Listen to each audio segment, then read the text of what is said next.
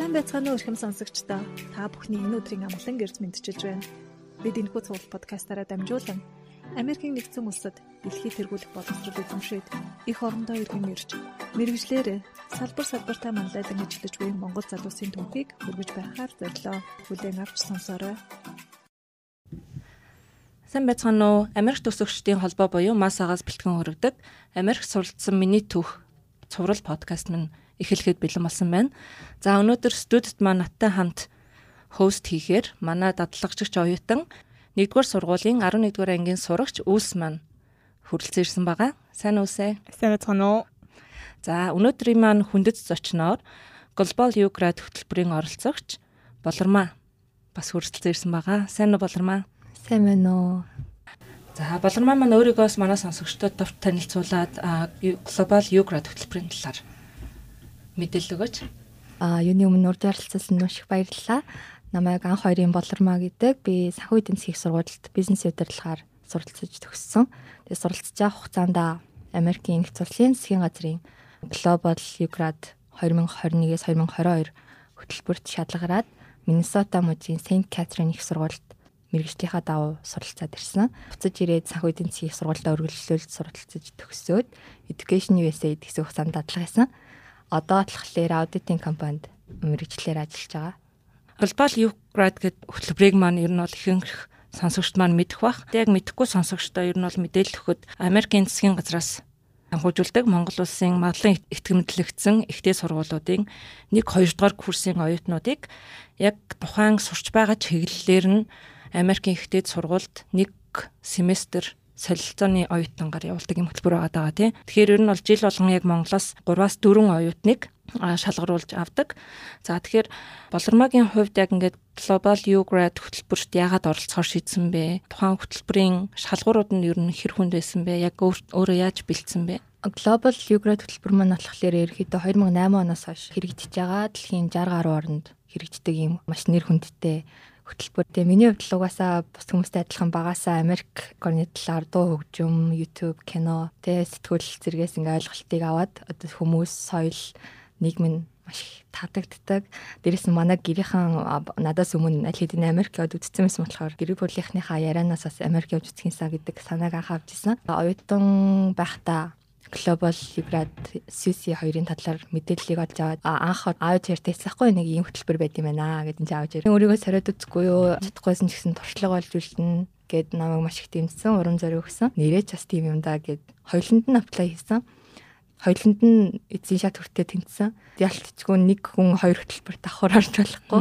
Тийм болохоор дахиж эргцүүлж бодоод өөртөө илүү өөрийнхөө зорилгот илүү төхөн байгааг юу град хөтөлбөрийг сонгоод явсан байгаа. Энэ хөтөлбөр маань болохоор гол зорилго нь тухайн улс орны одоо ямар нэгэн тулгамдж байгаа асуудлыг ингээ олж хараад тэрнийг шийдэхийн тулд ямар нэг алхам хийж байгаа эргэн тойрондоо одоо сайн сайхныг бүтээхээр өөрийгөө бэлтэж байгаа боловсруч юм уу одоо ирээдүйн удирдагчдыг Америкийн нэгдсэн улсын ихтэй сургуульд аваачаад туршлага судлуулад одоо хичээлүүд үзлээд илүү тэгж бэлддэг. За мөн дээрэс нь Америкийн нэгдсэн улсын соёл, нийгэм, үнэт зүйлтэй танилцуулах юм зорилготой. Та тухайн үед очиод өөрийн хэрэглээ зардлаа яаж зохицуулж исэн бэ? Ер нь тэтгэлгээс гадуур. Энэ хөтөлбөр маань өөрөө нөгөө засгийн газрын тэтгэлэг учраас бүх одоо яг Монголоос нисээд очиод буугаад амьдраад буцаж ирэх хүртэл бүх зардлыг ол хариуцдаг. Эрүүл мэндийн даатгал, хоол, унаа, дээрэс нь сарын стипенд гэж өгдөг. Тэр нь бол Монголын өгдөг учраас ямар ч одоо стрессгүй маш эрүүл зүгээр л гой сураад аялаад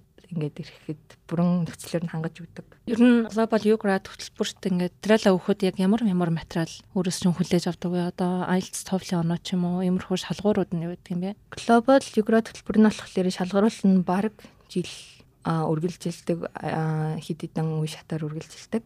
Эхнийх нь бол мэдээж application тэгээд essay тодорхойлох цагтлууд байсан. Түүн дээр одоо өөрийнхөө хийжсэн сайн дурын ажлууд, за awards тэгэл essay 2 хүнээс тодорхойлох цагтл авсан. Тэгээд аппликейшн бөглөж явах болохоор ковидын үед таарсан болохоор бас жоохон хэцүү байсан. Багш нартайгаа таарлаж ингэж юм ярьж тодорхойлох цагтл авах жоохон өндөрлөлтэйсэн. Тэгээд аппликейшн нэгдүгээр шатандаа тэнцэх юм бол интервью буюу ярилцлагын шат байсан. Тэр нь бол мэдээж чиний эсэ, чиний хувь хүн, чиний л талаар юм асуун тийм болохоор ямар ч сандрах зүйл байхгүй. Тэгээд ярилцлагын шатандаа тэнцсэний дараа TOEFL-ийн шалгалт өгдөг. Хөтөлбөрт apply хийж бол ямар нэгэн хэлний оноо моноо ч юм уу тийм бол ерөөсөө шаардахгүй. Яг ярилцлагын шатандаа хэрвээ тэнцчих юм бол TOEFL-ийн, зардлын бүгдийн төлөөд шалгалт өгүүлдэг учраас хэлний оноо моноо гэсэн юм дээр санаа зовх ямар шаардлага байхгүй. Товлын шалгалт өгч явах явцдаа тэдэн оноо авах юм бол цаашаага ингээд дараагийн үе шат руу явна гэж. Хамгийн доотлол нь товлын 61 оноо байдаг шиг санагдаж байна. Ер нь бол харьцангуй гайгүй юм байна те? 61 оноо гэдэг чинь ер нь бол дунд, агсан дунд. Тий, угаасаа л нөгөө аппликейшнээ бүглөөд ин интервьюд орсон хүмүүс бол товлын 61 оноог бол хангалттай авч чадах харин тех байх тий. Танаас ярилцлага авч явах үед ер нь ямар ямар асуултууд ивчлэн тавьж исэн бэ? Ер нь Global Ugrad сэс ер нь тэтгэлэг төлбөрт ярилцлагын шатандаа бэлтэж байгаа оюутнуудад зөвлөхөд ярилцлагын шатан дээр бол чиний өмнөх аппликейшны шатагаа штэ эсээ тодорхойлох цагтл хийжсэн ажлууд тэрнтэй чинь холбоотой асуултуудыг асууна. Жишээлбэл одоо эхлээд бол мэдээж илүү танилцахын тулд өөрийгөө танилцуулаад ч юм уу те. Тиймэрхүү асуулт асууж агаад илүү эсээгээ одоо задлж ярилцсан гэх юм уу буцаж ирээд яг юу хийх гэж байгаа илүү дэлгэрэнгүй ярьж. Тэнгүүд одоо Америкт очиод Монголоо одоо яаж хүмүүс таниулах тиймэрхүү асуултуудыг ер нь бол асуудаг. Тэгээ мэдээж ярилцлагыг бол элч сайдын амны ажилтнууд аавн тийм болохоор маш найрсаг чиний яриаг маш хүндэлж ингэж авах учраас ямар ч сандрах зүйл ерөөсөө байхгүй. Ер нь бол аппликейшн дээрээ чи өөрийнхөө талаар л бичсэн маа штэ. Тэгэхээр чиний талаар эргүүлээд асуулт асууж байгаа учраас ямар ч тийм өөр илүү дутуу зүйл асуухгүй учраас сандрах зүйл ерөөсөө байхгүй. Яг өөрийнхөө зорилгоо мэдж байгаа л бол ямар ч асуудалгүй. Одоо чинь яг ингээд application дээрээс өөрийнх нь асуултыг ингээд буцаагаад асууна гэдэг ч үстэй. Тэгэхээр яг дурдсанчлан өөрийнх нь зорилго эсвэл Америкчууд Монголоо хэрхэн таниулах уу эсвэл буцаж ирээд юу хөө гэхээс гадна өөр ямар ямар одоо асуултууд орж ирж исэн бэ? чөлөө цагаа одоо миний хувь хүн талаас илүү мэдэх асуултуудаас орж ирчихсэн л та чөлөө цагаараа юу хийдэг Төрөө өөрөө хэллээ эхний шалгуурууд нь бол ингээд өөрийгөө тодорхойлох захиа байдгаа гэх тээ. Яг ингээд өөрийнхөө тодорхойлох захиаг бас манай Монгол оюутан залуус ямархуу байдлаар бичвэл зүгээр үү? Global Eurod болохоор ер нь хоёр эсээ орж ирдэг. Нэг нь болохоор яг одоо өөрийнхөө яагаад энэ хөтөлбөрт оролцож байгаа вэ талаар илүү дэлгэрэнгүй туршлагаасаа хуваалцах маягаар бичдэг гэсээ. Нөгөөх нь ботлохлээрээ явж ирээд юу хийж бүтээх гэж байгаа вэ? Ирээдүйн зорилго талаар гэдэг ийм хоёр янз эсэ бичдэг. Мэдээж жил болгоны шалгаруулалтанд өөр өөр сэдвээр орж ирдэг учраас яг тухайн жилийнхаа зарлыг сайн харах хэрэгтэй. Тэрэн дээр болохоор өөрийгөө яагаад яг Америкт зөндөө олон улс байгаа шүү дээ. Тэрэн дундаас яагаад Америкт сурах хэрэгтэй байгаа? Яагаад заавал энэ хөтөлбөрөөр явах гээд байгаа вэ гэдэг талаараа маш сайн гаргаж өгөх хэрэгтэй. Өөрийнхөө чадваруудыг бас нэлээд сайн туршлагуудаасаа нэмээд баяжуулаад хуваалцах юм бол одоо хүмүүс аа энэ хүүхэд ямар ч гэсэн ийм ийм туршлагатай ийм чадвартай хөхт юм байна. Тэрийг Америкт очиод ингэж баяжуулж нэмж мэрэгшүүлж ирээд буцаад ийм ийм ажилт хийгээд нийгэмдээ хувь нэмэр оруулах чадах юм байна гэдгийг нь харах учраас а манай маса буюу Америк төгсөгчдийн холбоо маань яг ингээд сайн дурын байгууллага байгаад байгаа. Тэгээд тэгэхээр ингээд энэ дэр масагийн маань гişүүдч гэсэн ер нь бол ихэвчлэн сайн дурын үйл ажиллагаа хийж education USA дээр ч гэсэн ингээд хамтран оролцдог. Тэгэхээр ер нь ингээд сайн дурын ажил ингээд юград хөтөлбөрт тэнцэхэд нөлөө өгсөн болов юу гэж бодож байна.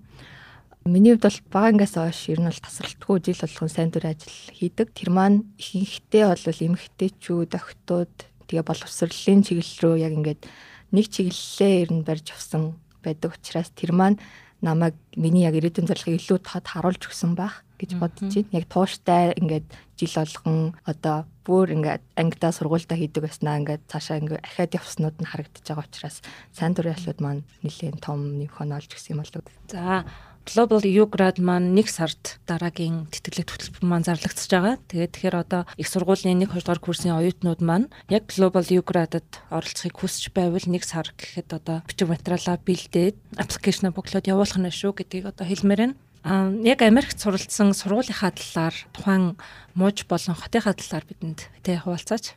Global Ugrad хөтөлбөрийн нэг одоо гоё юм уу? Зөвл нь яг баг явахаасаа өмнөх хүртлээ очих мод сургуулийнхаа талаар ерөөсөө мэддэггүй. Одоо нэг аппликейшн тэгээд интервью шалгалт интервью өгж явахдаа ерөөс хаана очиж хаана сурах гэдэг байгаа мэдэхгүй л өгöd байгаа гэсэн. Маш хүлээлттэй байдаг. Тэгээ миний хуваарлагдсан хот болохоор муж болохоор Миннесота муж Saint Catherine гэдэг сургууль. Ерөнхийдөө Миннесота муж нь болохоор хүмүүс нь айгүй найрсаг. Тэгээ муж нь маш цэвэрхэн гэдгээр Америкийн бусад одоо ер нь муж хотуудад дотроо нэлийн алдартай тийм хот байдаг. Канадтай хил залгаа юм уу учраас байгаль нь ерөөхдөө тийм уулархаг маш тийм аймагтай ер нь айгу байгальтай ойр тийм хот байсан. Хотынхоо төвдөө байсан учраас одоо байгальтай ч ойр тэгээ яг тийм их хотын тийм busy завгүй амьдралыг аль алиг нь experience их боломжтой айгу тийм өвөрмөц гой түүхтэй гой хотээсэн. Сургуулийн хувьд гэх юм бол манай сургууль маань болохоор нэг Midwest тэр хэсгийнхаа анхны эмэгтэйчүүдэд зориулсан дээд боловсролын байгууллагуудынхаа нэг ерөөдөө эмэгтэйчүүдийн боловсрол, эмэгтэйчүүдийн одоо тэгш байдал тэр тал руугаа илүү одоо чиглэсэн ийм сургууль байсан. Оюутнуудынхаа нь 96% нь эмэгтэй оюутнууд байдаг. Тэгэхээр ерөөдөө мундаг эмэгтэйчүүдтэй ийм сургууль. Хөтөлбөрөөр Америк нэгдсэн сурч байх үедээ хамгийн сайхан турсамжсаа та хуваалцаж. Би юу яасан л та нэг хичээл эхэлсэн байх дунд нь оцсон байхгүй хувийн шалтгааны улмаас. Тэгээд энэ лайнер хичээл авч явж хагаад Монголын 5 дахь өдөр нь нисээд тэгээ цагийн зөрөөний ачаар гэх юм уу тентгийнхаа бүтэн сайнд буугаад шууд нэгтгэгт нь хичээлдээ явахаар байсан байхгүй юу. Оцсон чинь ингээд болор гэд бичсэн юм цаас барьсан. Өмнө нь огт уулзж байгаагүй зүгээр имэйлээр л харьцаад байсан манай адвайзер зүгээр шууд тэрж аваад сайн уу гэж баг үнсгэн бол маш халуун толгойд ногтож авсан. Тэгээд онгоцны бодлоосаа оюутны байрлалгаа очиод манай тэр давхрын хүүхдүүд одоо ингээ Монголоос нэг оюут ирж байгаа гэдгийг мэдээд надад ингээ ойр зургийн юмнуудыг ингээ бэлдээд аваад тавьсан. Тэгээ намайг очиод Миннесота жоо хүүтэн байсан ахгүй юу. Тэгсэн чинь бүр ингээ нэмэлт хүнжил мүнжил ингээ халуугаар малуугаар аваад тавьсан амар хөөрхөн. Тэгэл welcome гэсэн посткардууд ингээл хүүхд толгоноос өөр өөр өөр нэг тэр хүүхдээс тэр хүүхдээс гэж бичээ тавьсан. Ингээд огт уулзж байгаагүй өмнө нь огт ярьж байгаагүй хүмүүс тэгж өгтөж авсан нь бол гоё сайхан сэтгэл төрүүлсэн. Айгуу гоё дулаан уур амьсгалтай хүлээж авсан байна те. Тэгээд яг ингээд эхнийхээ сон өдрөөл ийм дурсамж дээр очихоор чинь ингээд цаашаа дараа дараагийн өдрүүд нь ер нь бол ингээд илүү дасан зохицох нь илүү нэмэр болсон байх гэж бодож байна. Яг ингээд Монголд 3 дахь курс хүртлээр сурцсан байж байгаад Америк ихтэй сургуульд очиод ингээд сурахад хэр их өөрчлөлтүүд харагдсан бэ? Global Ugrad хөтөлбөрөөр энэ Saint Catherine их сургуульд суралцсан байна болохоор өөр хаанаас ч олж авч чадахгүй тийм experience-с эмгтээчүүдийн одоо юм их сургууль баг шахуу юм сургуульд суралцсан нь орчноо нь ингээд шал өөр. Тэгээ би ингээд Монголд зөвөр энгийн их сургуульд явж байгаа шүү дээ. Тэнгүүд очиод яг ингээд эмгтээчүүдийн private university-д орчиж байгаа. Тэгэхээр орчин бол шал өөр, хэрэгжилж байгаа хичээлийн материалууд, технологиуд нь шал өөр, оюутнуудынхаа цагаа өнгөрөөж байгаа байдалтай чөлөө цаг нь бүр шал өөр. Ерөөсөө их сургуулийн амьдрал нь нэлээд өөр байсан. Тэр нь одоо илүү таалагдсан сайн талаараа. Америк оюутнууд илүү чөлөөтэй яг багшийн хэлсэн л зөв гэхээсээ илүү одоо яагаад энэ талаас нь бодож болохгүй гэж те арай өөр өнцгөөс ингэж харж ийн гэдэг юм уу тэрийг маш нээлттэйгээр өөртөө ихтгэлтэйгээр шууд хэлдэг. Тэр нь намайг айгуу гайхшруулсан. Монгол оюутнууд чинь болохоор ерөнхийдөө багшийн хэлснийг тэмдэглэж аваад ч юм уу те. За яг хэлцүүлэг боллоо гэхэд одоо хичээл номны материал дээр байгаа зүйлсээ ингээл хоорондоо ярилцаад ингээл өнгөрчдөг штеп. Тэнд ботлохлээрээ бүр ингээд хайрцагнаас гарна гэдэг шиг бүр ингээд шал өөр өөр бэкграундтай шал өөр өөр экспириенстэй хүмүүс ингэж хандж байгаа нь айгу таалагдсан. Тэгээд бүгд одоо юу гэдэг одоо зөв буруу гэсэн юм байхгүй өөрийн бодол өөртөө зөв гэдэг дээр маш өөртөө ихтэй байдаг. Тийм болохоор их сургуулийн тэр орчин нь надад хамгийн их таалагдсан. Мэдээж ямар ч шин газар очисон шин шин сорилцоотой толрно. Таны хувьд одоо яг хүнд хэцүү үед та яг юг даун туулж исэн бэ? Яг даун туулахад хамгийн хэрэг болсон үе? Сэтгэл зүйн зөвлөгөө байнга өгдөг бүр юм тусдаа офис байдаг. Яг мэрэгжлийн мэрэгжлийн хүмүүс байнга бодо бүртгэж аваад өгдөг. Тэр нь мэдээж нууцлалтай. Тим газар байдаг болохоор тэнд очиод ингээд яаж ийн, юу болохгүй байх, юу болж ийн, Америкт амьдрах хэр байна гэдгээ ингээд нин угуу ярьдаг. Тэгээ хилний бэрхшээл мэрхшээл гэдэг тэр бол бүр огт санаа зовх зүйл бол байгаагүй. Зүгээр яг хүнтэй ярилцах хэрэгтэй гарсан үед тэр нь ингээд зүгээр сургууль дээр ингээд байж байгаа нь надад хамгийн их тусалсан. UGRAD-ийн яг нэг семестр буюу чи хагас жилийн хөтөлбөр аваад байгаа шүү тий. Яг энд Америкт яваад UGRAD-ийн хагас жилийн хөтөлбөрт суралцсанараа танд яг хэрхэн нөлөөлсөн бэ? Ер нь Америкт урт богино гэлтгүү суралцаад ирэхэд эргээд харахад айгүй гоё хүмүүстэй танилцсан маш гоё шин шин зүйлийг сурцсан байдаг л та. Тэгэд ирээд дахиад Монголын МАСА буюу Америк төгсөгчдийн холбоо гэд маш том, маш гоё юм энергитэй өөр өөрсдийн салбартаа гоё зүйлсийг хийх гээд ингээд явж байгаа маш гоё хамт олонны нэг хэсэг болдог. Энэ нь бол яг ирээдүйн зорилго бүх зүйлээр маш сайн талаараа нөлөөлсөн. Та Америк очиж сурцахдаа яг мэрэгжлийн чиглэлээр ямар хичээлүүдийг сонгож суралцсан бэ? Global Ukraine хөтөлбөр нь болохоор тавьдаг шалгуур нь мэрэгжлийн нэг хичээл, leadershipтэй холбоотой нэг хичээл, Америкийн соёл одоо нийгэмтэй холбоотой нэг хичээлд чөлөөт нэг хичээл гэдэг ерөөдөө сонголтууд өгдөг. Саяны дөрөв нь болохоор заавал сонгох хичээлүүд гэсэн. Миний хувьд мэрэгжлийнхаа чиглэлээр болохоор яг тлан бодох бүртгэлийнхаа хичээлийг нэг хичээл аваад Америкийн соёлтой холбоотой хичээл дээр Америкийн уран зохиол тэр дотроо цагаатчдын уран зохиолыг сонгож судалсан. Яагаад тэгэхээр Америкийн одоо түүх, нийгмийн сашгүй нэг хэсэг бол цагаатчлал. Тийм учраас энийг судлах нь нэргээд энэ хүмүүсийг илүү ойлгох, энэ нийгмийг илүү ойлгох дээр туслах юм болоо гэж бодоод энэ хичээлийг сонгочихсон. Дараачих нь батлахлаар leadership, effective management гэдэг хичээлийг сонгож исэн. Энэ маань өөр global leadership маань нэгсэндээ leadership одоо ирээдүйн мандлагч удирдгчдыг бэлтгэх зорилготой ийм хөтөлбөр учраас энтэйг холбогдуулаад энэ хичээлийг сонгож исэн. За тэгээ чөлөөлтний хичээлээр болохоор Media Culture and Society гэдэг хичээлийг сонгоод судалсан байгаа. Тэгээ энэ хичээлүүдээ хичээлүүдээ нь өөрөө сонгодог. Тэнгүүд би болохоор Америкийн яг дээд сургуульд суралцах боломжтой ийм хичээлүүдийг илүү сонгохыг бодсон. Одоо цагаачлалын талаар яг хамгийн том түүхэн ийм хичээл орох чадах сургуулиуд нь Америкт л байгаа учраас ийм хичээлүүдийг илүү сонгохыг бодсон. Энэ хичээлүүдээс хамгийн туртай хичээл нь ямар хичээлсэн бэ? Уран зохиол уран зохиолын хичээлсэн хаа. Одоо уран зохиол гэж мэдээж маш олон иммигрантын бичсэн номнуудыг унших бах тий. Яг э, тэр номны дундаасаа санал болгох зохиолч болон ном байгаа юу? Би дөрөв хэлсэнчлэн манай сургууль хийхдээ нөгөө эмэгтэйчүүдийн манлай айлалтай эмэгтэйчүүдийн тэгшэрх гэдэг талаар илүү ингэж үйл ажиллагаа явуулдаг гэсэн шүү дээ. Тэрэн дээрээ ингээ хичээлүүд дээрээ эмэгтэй зохиолчд одоо яг тийм эмэгтэй цагаачд яаж гэр бүлээ авчраад ингэж Америкт одоо амьдралаа олсон бэ гэдэг юм уу тийм зохиоллууд илүүтэй уншсан. Одоо уншиж байгаа зохиол манд болохоор Nisei Daughter гэд Моника гэдэг зохиолчийн Япон эмэгтэй яг гэр бүлээрээ Сиэтл хотод цагаатчилж ирээд амьдралаа ингээд авч явж байгаа талаар зохиол уншиж байгаа. Энэ маань ер нь бол айгүй таалагдчихж байгаа. Ямар нэртэй ном гэсэн бэ? Манаас сонсогчд нар дахиад нэг хэлээд өгөөч. Nisei Daughter. Nisei Daughter.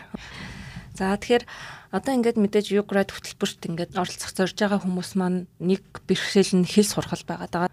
Монголчуудаа, Монголд оюутнуудаа ямар зөвлөгөө өгмөр вэ? Монгол оюутнуудын хувьд болохоор англи хэл ер нь ямар ч хэлэн дээр болохоор яг нөгөө нэг дүрм өгсөн сайн төр дээр айгүй сайн байгаад байдаг. Тэгсэн мөртлөө нөгөө ярианы чадвар дээр л хамгийн их шантард юм шиг харагдсан миний. Тэрэн дээр болохоор ер нь бол ямар ч айх зүйл байхгүй юм бэлээ гэдгийг би өөрөө ойлгосон.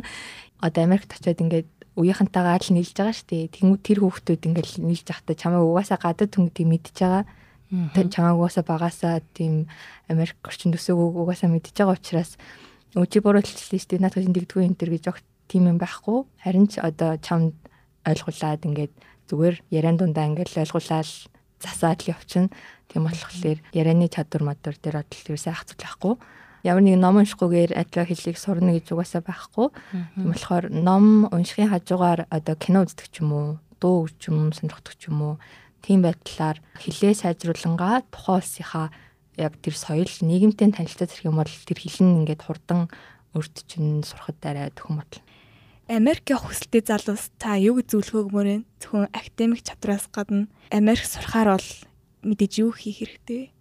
Яг Америк явъя гэж зориод тэгээд одоо ямар нэгэн тэтгэлэг хөтөлбөрт одоо орё ч гэдэм юм уу те тэгж бодож ивэл тухайн хөтөлбөр ямар нэгэн сургуулаа маш сайн судлаад төлөвлөгөө гаргаад хурдтай хийж эхлэх хэрэгтэй гэж бодож байна. Ягаад тэгэхээр хүмүүс чинь ингээл бодоол дахин дахин төлөвлөөл ингээд тогтсон нь хугацаанд ингээд сунжраад яваад идэг, сунжраал яваад идэг. Тийм болохоор аль болох хурдан юмнуудаа хийгээд явах юм бол дараа нь илүү цаг гарах юм бол зас сайжруулах тал дээр цаг гарна. Тийм болохоор аль болох юмнуудаа хурдан тэгээ чанартай төлөвлөөд хийж гүйцэтгэж явах юм бол нэгэн тэтгэлэг авах тэг ер нь хүссэн сургуульд орох боломжтой гэж бодож байна. Тэгээ дээрэс нь тэнцэн ч бай, тэнцээгүй ч бай ер нь бол өөрийгөө олон зүйлүүдэд сорих хэрэгтэй. Сургуулиуд руу аплай хийдэг ч юм уу, тэтгэлэг хөтөлбөрүүд рүү аплай хийдэг ч юм уу.